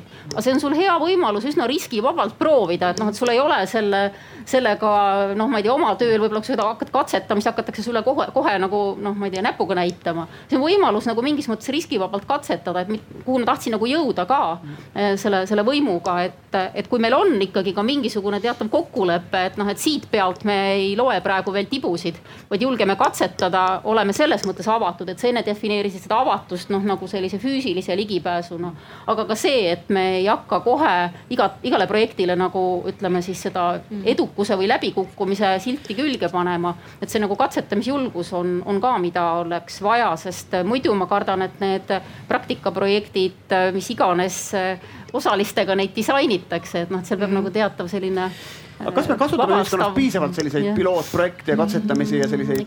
mina ja, et ma kaitsen ka, ma võib-olla olin liiga äärmuslik siin selle, et inimesed, see kohanemis- ja muutumisvõime, et ma nagu kaitseks ka inimesi, et äh, see on ka väga loomulik, et inimesed äh, neid muutusi pelgavad, et. Äh, ja kui, kui ma nüüd niimoodi mõtlen, et tulevikutöö muutub ja ametid muutuvad, et siis ma ütleks, et on ikkagi nii riigi kui ettevõtjate roll valmistada inimesi ette nendeks muutusteks, et sest kõik ei tule, ei peagi tulema ühtmoodi kaasa, on need, kes on nii-öelda nii-öelda sellise kõrgema, nii-öelda vähema ebastabiilsuse vajadusega ja inimesed ongi need, kes on stabiilsuse vajadusega, et et ma paneks nagu ettevõtjatele südame, südamele selle, et no üks näide sellest, ma toon nagu oma näite siin sellest programmist, mida me teeme, see piloot Business Intelligence, selline moodulõpe, mida me teeme koos Tehnikaülikooliga, et me näeme, et mingid ametid ikkagi ju aja jooksul muutuvad. me oleme ka ise selle välja öelnud oma ettevõtte sees, et ja suureneb just selline, mis puudutabki kogu seda andmemajandust ja kogu kõik see suund kasvab, me näeme seda ja meil on mingil hetkel vaja oma töötajaid ümber õpetada. et sellist eriala me leidsime leidsime, et meil on vaja seda eriala täna või seda ametit juba täita, me leidsime poolteist aastat tagasi, et selliseid inimesi Eesti Vabariigis ei koolitata. ja see on väga normaalne, sest see on täiesti uus, uus nii-öelda eriala või uus amet ja me tegime piloot sellise programmi Tehnikaülikooliga oligi siis selline business intelligence, kuhu said siis kandideerida küll erinev, ka Tartu Ülikool, Tehnikaülikool, EBS, tudengid, et äh, Tallinna Ülikool, et kes siis said lisaks oma siis sellele majandusharidusele omandada nagu selles moodulõppes, kus siis õpitigi juba reaalselt seda nii-öelda seda tulevikuametit väga hea programm oli, väga populaarne ja mis me nüüd tegime ja järgmise sammuga on see, et me nüüd pakume ka sedasama asja oma töötajatele. sest et noh, nemad näe, me näeme, et peavad hakkama ka mingi hetk õppima juurde uut ametit. et see on ettevalmistus, see, ma arvan, on natuke selline mm. -hmm ei taha ennast kiita, aga see ongi see sotsiaalne vastutus, et inimesed ei peagi ise teadma ega õppima ega oskama õpetada, keegi peab andma selle, selle iva või seemne talle kätte. aga siis selline spiooniõpe või see business intelligence ongi tuleviku MBA-d ongi, et, et ärikoolid peaksid ennast profileerima, sest ta on iseenesest soft on ju. me ei räägi tegelikult siin veel numbrilisest poolest mm. on ju. et, et aga aga jah, et ütleme, selline oskus on elementaarne, et kui sa mingilgi valitseval positsioonil oled mingis ettevõttes, sa pead suutma nagu noh, argumenteeritud otsuseid teha jah, ja ma küsisin ju tudengi käest, et just selles samas nagu nüüd selle suveprogrammi käigus tudengitelt, et kes selles osaleb, kas nad on rahul. ja ta nagu ütleski, et see on tema jaoks just see, mis tal puudu jääb täna selles, selles, et see praktiline pool ja see, mis on juba samm edasi, mida amet nõuab, eks ju. ja seal ongi just ka needsamad pehmed oskused, ka suhtlemis- ja kommunikatsioonioskused ja läbirääkimise oskused sellesama ameti juures, mida ta esile tõi Äh, ma küsin ühe küsimuse spetsiifiliselt Swedbankalt, et teil on suur maja, palju inimesi. Et kui palju te tegelikult teate, milliste isikuomadustega teie inimesed on? et kas ma ei tea, Indrek Rahi käib teil majas, teeb diskianalüüse ja ütleb, et äh, jagab kuidagi värvidesse või, või inimesi? ei, ei, me ei, ei, me ei tea, milliste isikuomadustega on meie kõik meie inimesed ja me ei tee selliseid teste mina olen kahes juhtorganis teinud selle, et muuseas töötab. kui on vaja, siis tehakse, aga vastavalt vajadusele. just, et kui tiim saab aru, millised ja. inimesed sul tegelikult on ja mis on ühe või teise jaoks oluline. see, mis on müügimehe jaoks oluline, on absoluutselt ebaoluline raamatupidaja tüüpi inimese jaoks ja vastupidi. ja seda ma olen nõus okei okay,, aga nüüd meil on täpselt veerand tundi aega minna siis oma selle viimase ülesande juurde, mis on siis valida välja need kolm mõtet, mis me anname edasi peaministrikandidaatidele. ja, või ja reastada ja siis küsimus oli jätkuvalt siis see, et, et mis on siis need kolm mõtet või kõige olulisemad asjad, mida tuleks teha selleks, et siis seda tööturu ja hariduse kuidagi silda või suhet dünaamilisemaks viia. kas siis nende kumbagi sees midagi muuta või siis nende vahel midagi muuta ma enne küsiks veel korraks Tiidu käest, kas no. kumbki tohib, et äh, demograafid on ju kindlasti vaadanud ka nagu seda niisugust rändeseost majanduse ja haridussüsteemi mingite eripäradega. kas sa oskad siit midagi välja tuua, et me saaksime, et meie ettepanekud oleksid ka kuidagi tõenduspõhised et äh, noh, võib-olla lühiajalisteski trendides kasvõi, et kus maad, kus on, ma ei tea, kuidagi ma ei tea, uuenduslikum haridussüsteem, et seal on ka rände, rändeprotsessid siis muutunud sellises ühes või teises suunas ei oskagi nagu väga konkreetselt su, su küsimusele vastata, noh pigem on äh, selle õppimise osa see, et, et sa saad neid kogemusi, eks ole, et meil oli väga palju juttu sellest praktilisest kogemusest, et kuskil tööandja juures ma arvan, see on tegelikult ülikoolides ükskõik mis eriala ma vaatan, arvan ikkagi järjest enam juba, juba levinud ja norm, et. et ma ei kujuta ette, et kuskil on veel eriala, isegi semiootika, mis iganes, võib-olla esmapilgul elukauge ikka on seal mingi Eesti märgi küsimus, analüüs ja mida, mida iganes, et, et seda praktilist dimensiooni on palju sisse toodud, aga võib-olla see teine pool on ka see, see rahvusvaheline dimensioon, et et just see õpirände, välismaal õppimise soosimise, et tean, et ka Euroopa Komisjon, eks ole ju väga toetab seda, et ikkagi iga tudeng mingi osa semestri vähemalt töötaks välismaal, et, et me saaks aru, et miks see Kreeka mingi majanduskriis selline on, nagu ta on või Itaalia põgenikekriis, et, et noh, võib-olla see, see just pigem see nagu õpimobiilsuse veelgi nagu tähtsustamine on, on selline oluline, et, et sa saad nii praktilist töökogemust kui ka teiste nagu kultuuride ja, ja keskkondade kogemust mm. -hmm ma küsin veel ülikooli poolt, et te olete kaks inimest Tartu Ülikoolist, et, et ütleme, kui kõrgharidus hakkas tulema, ta oli hästi personaalne, meistrilt sellile selline õppimine on ju, siis ta läks selliseks tööstuslikuks, et me üks lektor õpetab nagu noh sajale või tuhandetele inimestele, et, et ja ülikoolis on arstiteaduskond, kus on ju järel see residentuuri teema on ju, et sa noh, tahad mis iganes valdkonnas professionaalseks arstiks saada, sa mingi osa tegelikult oled haiglas ja töötadki mingite mentorite all, ma ei tea, neuroloogias või kus iganes valdkonnas, et et kas see residentuur täna töötab ja kas see võiks olla üks asi, mida nagu laiendada, et igale tudengile tekib mingisugune mentor ja, ja selline osa, osa, osa kraadist ongi see äh, praktika sellisel kujul? see oleneb äh, haridustase või noh, sellest haridusastmest, et äh, noh, kui ülikoolist rääkida, siis baka, bakatasemel noh, päris me seda veel rääkida ei saa, eks ole, ja doktoriõppes enam teistmoodi üldse pole võimalik. Ja, ja ütleme, et see magistriõpe on seal vahepeal, et, et, et seal juba on ka kindlasti nagu see, see. see on jah väga erinev, sest näiteks osades valdkondades need, millega mina olen seotud meil võib-olla viis protsenti ei tööta, ülejäänud töötavad enamasti erialasel tööl, mitte noh, nii-öelda mhm. ettekandjana mm et, et see noh nagu toimib, et pigemini on just küsimus selles, et võib-olla väga nagu kitsalt nähakse näiteks magistriõppes õppijaid, et noh, nende põhitöö ongi õppimine, et ei ole, et neil on tegelikult väga sageli ikkagi see, see nii-öelda töö ja õppimise nii-öelda ühitamine, mis on, mis, mis võikski olla nagu norm magistriõppes. sa ei jõua niimoodi järjest sind, kes sind üleval peab jah, kunagi ma vaatasin Tippi parklat, et autod olid sellised, et mul on tunne, et need inimesed tööle üldse ei jõua või kooli ei jõua, et nad enamus ajast on ikkagi tööl, et, et ilma tööta selliseid autosid ei osta onju. mujal maailmas tudengid käivad metrooga tööl. et see vahe on okei okay,, aga me jõudsime nüüd selle, me peame selle top kolme mingil viisil siia kirja saama, et, et ma küsin korra teie mõtteid, kas on mõni mõte ja siis küsime kõigi teie käest, et jumala eest midagi välja ei jää. et mis on mõte, igaüks üks mõte, mis siin top kolmes peaks olema? Noh, see on nüüd selline lihtsalt tasapisi mul kujunes et ma pakuks välja selle, et, et igaühe, igaühe õppepuhkus võiks olla. et praegu ta on minu teada vist seotud rohkem niisuguse tasemeõppe ja noh, juba väga-väga selgelt, aga, aga noh, mida ma olen näinud ja mida me vaatasime ka oma ajakasutusuuringutes, et inimesed, kes on kuidagi väga, väga noh, nii-öelda kinni jooksnud, ma ei tea, võib-olla rabavad mitmel töökohal ja nii edasi, et sul peab olema see katkestuse hetk et sul peab olema see mingisugune võimalus, kus sa nii-öelda natukene mõtled järele. me oleme oma tudengitega teinud, meil on selline professionaalse eneseanalüüsi asi ja siis pärast oleme saatnud ikka kirju, et oh, et väga hea, ma mõtlesin järele. mitte see, et meie oleks midagi väga tarka öelnud õppejõududena, ta ise mõtles natuke järele, tal oli nagu mingi katkestuse moment, et alati katkestused on need, et sa valmistud nagu järgmiseks perioodiks. ja seda on väga mõnus teha tegelikult õppides ja kui sa ennem rääkisid sellest, et võikski olla mingi, ma ei tea, kutsekool ja kõrgkool ja mingid sellised nii-öelda nagu teistmoodi kooslused, siis tegelikult tegelikult sinna võiksid täiesti vabalt tulla ka võib-olla need, kes praegu teevad noh, kes, kes võib-olla pole mõelnudki selle peale, sest lihtsalt see nii-öelda korraks see sutsaka nii-öelda õppimine millegi uue õppimine tekitab minus ka nii-öelda uusi mõtteid, võib-olla sedasama motivatsiooni ja ausalt öeldes ka eneseväärikust, et noh, see ei ole ainult taibudele, eks ole. äkki siis see sümbioos, mis iganes mhm. haridusasjad mm -hmm. võiks olla üks teema ka, eks? mis, kuidas me nimetame, sümbioos ma ei tea, kutse, kutsehariduse, kõrghariduse, mis iganes. sümbiooskoolid. jah kuidas see teie mõte jätkuks, mujal maailmas hästi palju on seda, kus peale keskat minnakse lapsehoidjaks aastaks mm. -hmm. ei minda kohe ülikooli, vaid minnakse, noh, meil sõjaväkke sama lugu, et sul on ikkagi aeg nagu järele mõelda mm. -hmm. ja minu meelest üks asi võib-olla veel, et võiks ära, noh, see on jälle hästi selline võib-olla ekrelik, aga ära võiks keelata selle, et mingit psühholoogiat näiteks saavad õppima minna otse keskast tulnud, noh et on mingid ained, mida sa pead õppima ka teatud elukogemuse põhjal. et kui sul seda ei ole, siis sa õpidki põhimõtteliselt äh, nagu ma ei tea, Maslow püramiide ja muid asju, sa õpid seda hästi-hästi teoreetiliselt ära, aga sul noh, see kontekst seal taga puudub.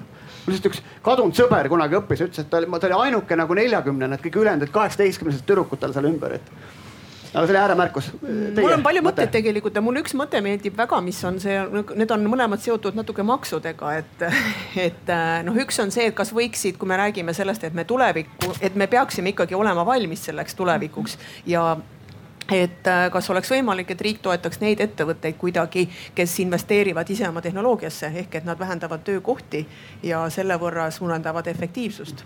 et kas oleks see nagu nii-öelda mõte, et et äh, kuidagi äh, innustada ikkagi ettevõtete tehnoloogia, tehnoloogiseerituse taset, et seda, et me ei jääks nagu tukkuma ja ühel okay. päeval me oleksime hädas, et meil ongi, ongi see, palju keevitajaid ja keegi ei vaja enam seda, seda, seda teenust. ehk siis regulatiivset maksu ja. siis motivatsioonid. jah, noh, see on üks, on ka see, et äh, üks mõte, see, mida ma olen kuulnud, ma ei ole ise tutvunud sellega, aga mida Singapur väidetavalt kasutab, et makstakse inimesele nii-öelda äh, mingisugune summa aastas raha selleks, et ta ennast võtaks endale vajalikke täiendkoolitusi, et ta ise hariks ennast no.. et noh, see on see igaühe õppepuhkus ja sinna võiks juurde panna ka siis võib-olla mingisugune äh, lisapearaha. täna tundub see meile väga nagu utoopiline ilmselt, aga ühel päeval võib-olla meil on väga vaja seda samavõrd, kui meil on vaja äh, ravikindlustust lisa, lisapearaha, okei okay,, väga hea. Tiit. No mina kordaks seda alguse poolel juba välja öeldud mõtet, et, et äh, meil on seda tüsedamat üldharidust vaja ja, ja see haridustee võiks ikkagi keskhariduseni liikuda kohustuslikus korras. Sümbioosis muidugi kõige sellega, millest siin räägitud on, et siin on probleemikesksus, praktika aga et, et põhiharidusega ei jääks pooleli, et meil ei tuleks põhihariduse peale eh, kutseharidust, vaid kui kutseharidus pigem on ikka selle keskharidusega seotud või selle järgne et see võimaldaks kindlasti, arvestades pikenevat eluteed, eh, tööteed ja, ja, ja vajadust kohaneda muutustega, annaks ikkagi pikema, noh, ütleme parema paindlikkuse ka igale inimesele. ja need väited, et, et meil ei ole mingi osa noortest piisavate vaimsete võimetega, et, et, et nii kaugele jõuda, et ma kahtlen, et kas see argument on pädev. aga ta tähendab siis selline keskkutseharidus kõigile? no vähemalt, et oleks see keskhariduse tase ikkagi olemas, et äh, mingituna mis iganes, eks ole, kutse. siis ja... see pluss on siis see probleemikesksus on ju? jah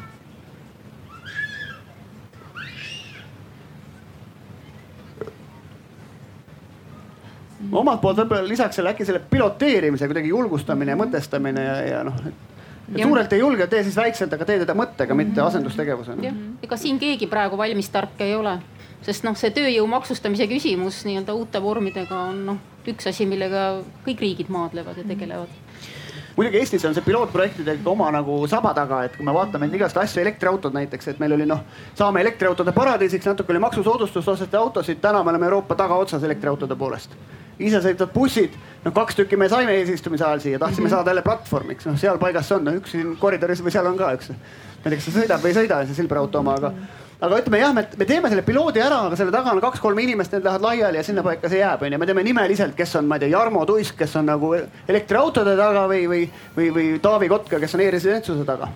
et, et meil need piloodid tegelikult, kui seal tõesti midagi õpitakse, tegelikult ka siis nagu ellu lähevad mm. -hmm. pilootprojektid. üks mõte veel.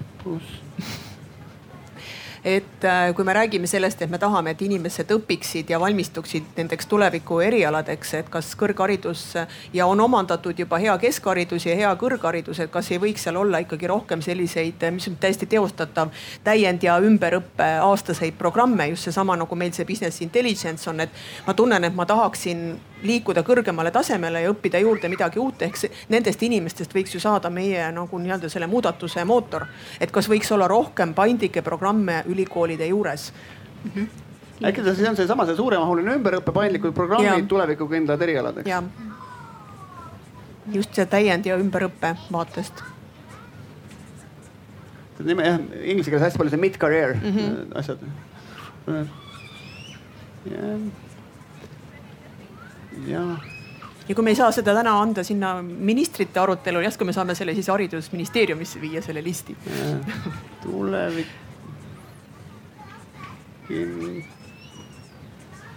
nii. Teie minu meelest võiks teha mingi inventuuri selle üle, mis asjad tegelikult Eestis õpetatakse ja teistpidi, mida oleks nagu vaja aga vist kutsekoda tegelikult sellega tegeleb mm. -hmm. nii, me oleme kõik siia mingid asjad saanud kirja, ma annaks mikrofoni Maarjale. Maarja on seal taga, kes on üks põhisüüdlane, kes on selle asja siin ellu kutsunud. et nüüd sa saad oma rolli, saad mikriga ringi käia, et, et kas on siin midagi puudu, mida te kindlasti tahaksite siin oleks. tõstke käsi, esimene tuleb oh.. no meil on kaks kätt, esimene ja teine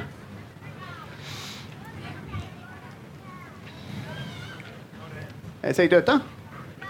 seal on nupp tere, tere, tere. tere, Tiina-Katrin olen mina, tegelen igapäevaselt meeskondade arendamisega ja äh, näen igapäevaselt nii kommunikatsiooniinimesi kui IT-inimesi näiteks äh, projekteerimas ja ehitamas äh, silda või vormelautot ja sellega rallit sõitmas. ehk siis täiesti teistsuguses kontekstis.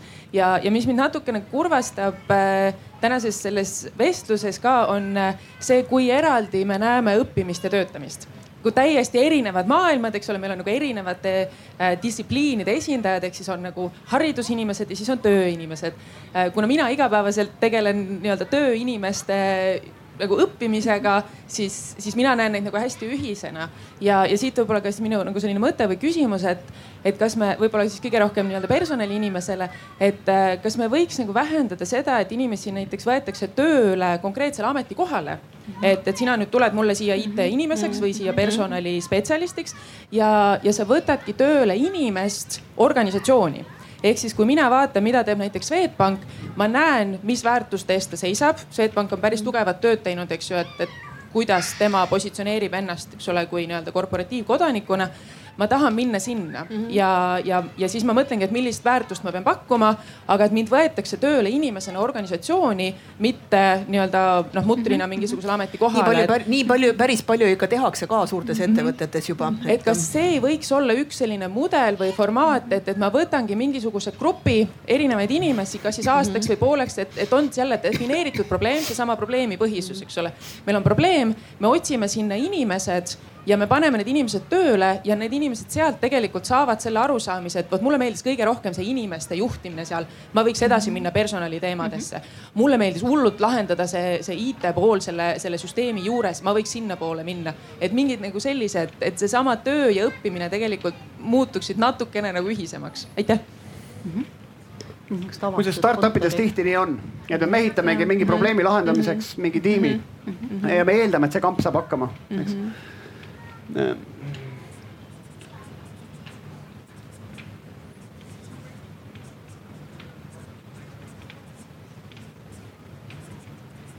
aga te võite jätkata, see mikker võib edasi liikuda, jah. hallo, et äh, Pille-Muni siis mina.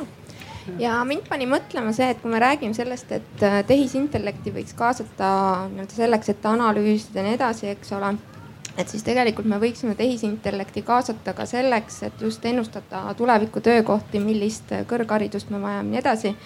et äh, see jätab võib-olla kõrvale ka mõnikord sellised pehmed väärtused ja, ja me ei tee siukseid ebapragmaatilisi otsuseid, et meil hakkab kahju millestki kinnipanemisest, et võib-olla selle paralleeli, et kui see mõte võib-olla tuleneb, on sellest, et äh, püütakse teha näiteks, äh, kus ennutatakse ette seadusandluslikku poolt, mida riik võiks vajada selleks, et äh, tulevikus mingid startup'id või tehnoloogiaid oleks võimalik arendada. et me mõtleksime juba tulevikus ette, mitte et me ei kasutaks seda, et mis siis praegu on mm. -hmm. siis me oleme igal juhul ajast maas, aitäh sihuke andmepõhine otsustamine mm -hmm.. jah, ütleme selline jah, ja, ja okei okay. mm. -hmm andmepõhine otsustamine ka riigi tasandil. ja just mm, -hmm. sest tavaliselt tulevad sinna ikka mingid äh, sihukesed muud kaalutlused otsa. tuleb väga selline FSB-lik asi nii.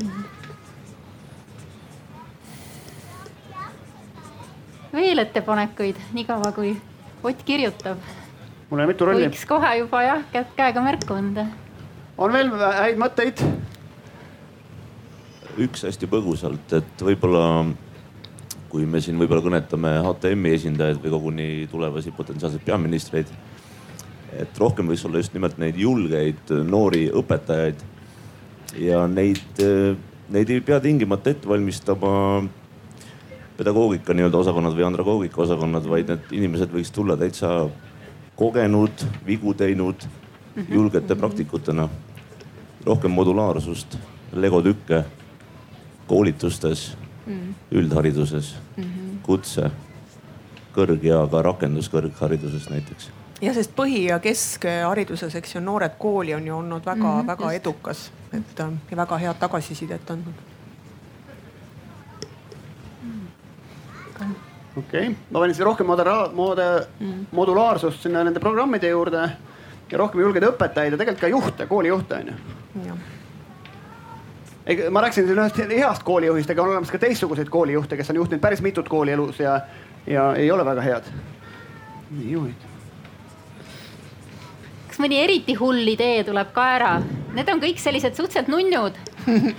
poliitikutele väga meeldivad, öelge üks eriti raju idee, mida ei juleta nagu võttagi väga. no ütleme, me teame, et maailma rikastest suur osa startup eritest tegelikult ei ole koolis käinud. mõned on, Sergei Brin, Google'i asutajad on käinud kooli järele õpetanud, terve rida Prinutäis on, kes ei ole. et keelaks üldse või lõpetaks selle kohustusliku koolihariduse ära, et iga vanem teab ise, mis oma lapsega teeb on mõni hääl selle poolt tuleb või? Saame partei kokku, üks hääl on olemas. väga hea. võime juba jah millegipärast need ettevõtjad öö, oma töötajad otsivad just nimelt öö, USA tippülikoolidest lõpuks. vaata julge, julge tööandja on see, kes võtab endale targema töötaja, et mina alati mõtlen meie ministreid, on ju. noh, lugupeetud inimesed kõik, aga, aga miks nad kurat võtavad endast lollimad inimesed nõunikeks, need juhtmed on ju, eks. et lihtsalt noh, ütleme peab ikka julge mees olema või naine, et võtta endast rumalamad nende nõunikeks ja siis pidada sihukest ametit. Nii, aga. aga hääletame veel, et ja. kes arvab, et tulevasest peaministrist sõltub midagi selles, mis me siin laval rääkisime? juhist sõltub midagi Eesti riigis või ei sõltu? tõstame käed püsti, kelle arvab, et sõltub? ikka sõltub. ikka sõltub. okei okay,, ja, ja käsi, kes, et ei sõltu? no viiskümmend, viiskümmend umbes. Äkki sõltub? elutargad inimesed on või, kuulamas. Va va vaatamata juhtide pingutustele asjad edenevad. kas Swedbankist sõltub juhist midagi? Robert Kittist, mis, mis sõltub? absoluutselt. meil on väga aktiivne juht, et. aktiivne milles? tark ja aktiivne jah okay ma arvan, see ongi see, mis teeb juhist, eks ju, on see kaasatus, et see, mida, et juht on teadlik sellega, mis tema ministeeriumis toimub või tema allolevas organisatsioonis ja ta on võimeline süvenema ka detailidesse, mitte ainult suurde pilti et.... aga kuivõrd on juhid oma või firmad või meeskonnad oma juhi nägu, et, et Eesti Vabariik peaministri nägu, Swedbank Robert Kitti nägu. kunagi, kui suusatajad juhtisid teil panka, siis me toetasime, toetasite suusatamist. no see on, sõltub organisatsiooni suurusest, et ega nüüd, kui ühel päeval muutub ettevõtte juht või võt, muutub ka ministeeriumi juht, siis automaatselt ei muutu muutu kogu töötajaskond, et igad oleneb sellest, kui suur see laev on, seda laeva ei keera nii kiiresti. selles on, et me ei taha ju keegi, et homme on uus juht ja kõik töötajad lastakse lahti ja hakatakse uusi värbama, et seda me ju inimestena ka mitte keegi ei taha, et me tahame ju ikkagi endale aega, et kohaneda selle uue juhiga, õppida või siis ära minna, nii et. aga kahtlemata on pikka aega juhtinud organisatsioonide juhid, siis organisatsioonid on nende nägu, see on nagu enam kui selge jah, samas startup'ide puhul on see teistmoodi, investorina öeldakse, kõige lollim, mis sa saad teha, on panna tark raha lolli raha järgi. et ehk siis, kui sa näed, et mingi projekt ei lähe, tõmba pistikust välja, tegele uuega, sest sa meeskond ei raiska enda aega ja sa ei raiska raha. et kunagi ei tohi, kui sa näed, et mingi asi on hapu, sinna noh juurde panna. ja suurtes organisatsioonides on lihtsam, neil on rada sees, põhiäri töötab, eks aga aitäh kõigile siia tulemast, ma võtaks selle tänase paneeli kokku ühe väärt lausega, mille ma kuulsin kunagi John Birdilt. kes on John Bird, teate? Ta on Inglismaa, äh, Londoni linnapea kandidaat. ta on istunud vanglas, öelnud, et tema alma mater oli vangla. ta varastas kunagi, aga ta varastas ainult ettevõtetelt, mitte eraisikutelt. ta oli põhimõttekindel varas. ta jäi kodutuks, kui ta oli kümme aastat vana ja ta on äh, The Big Issue, mis on ajakiri, mida müüvad kodutud äh, metropolidest asutaja.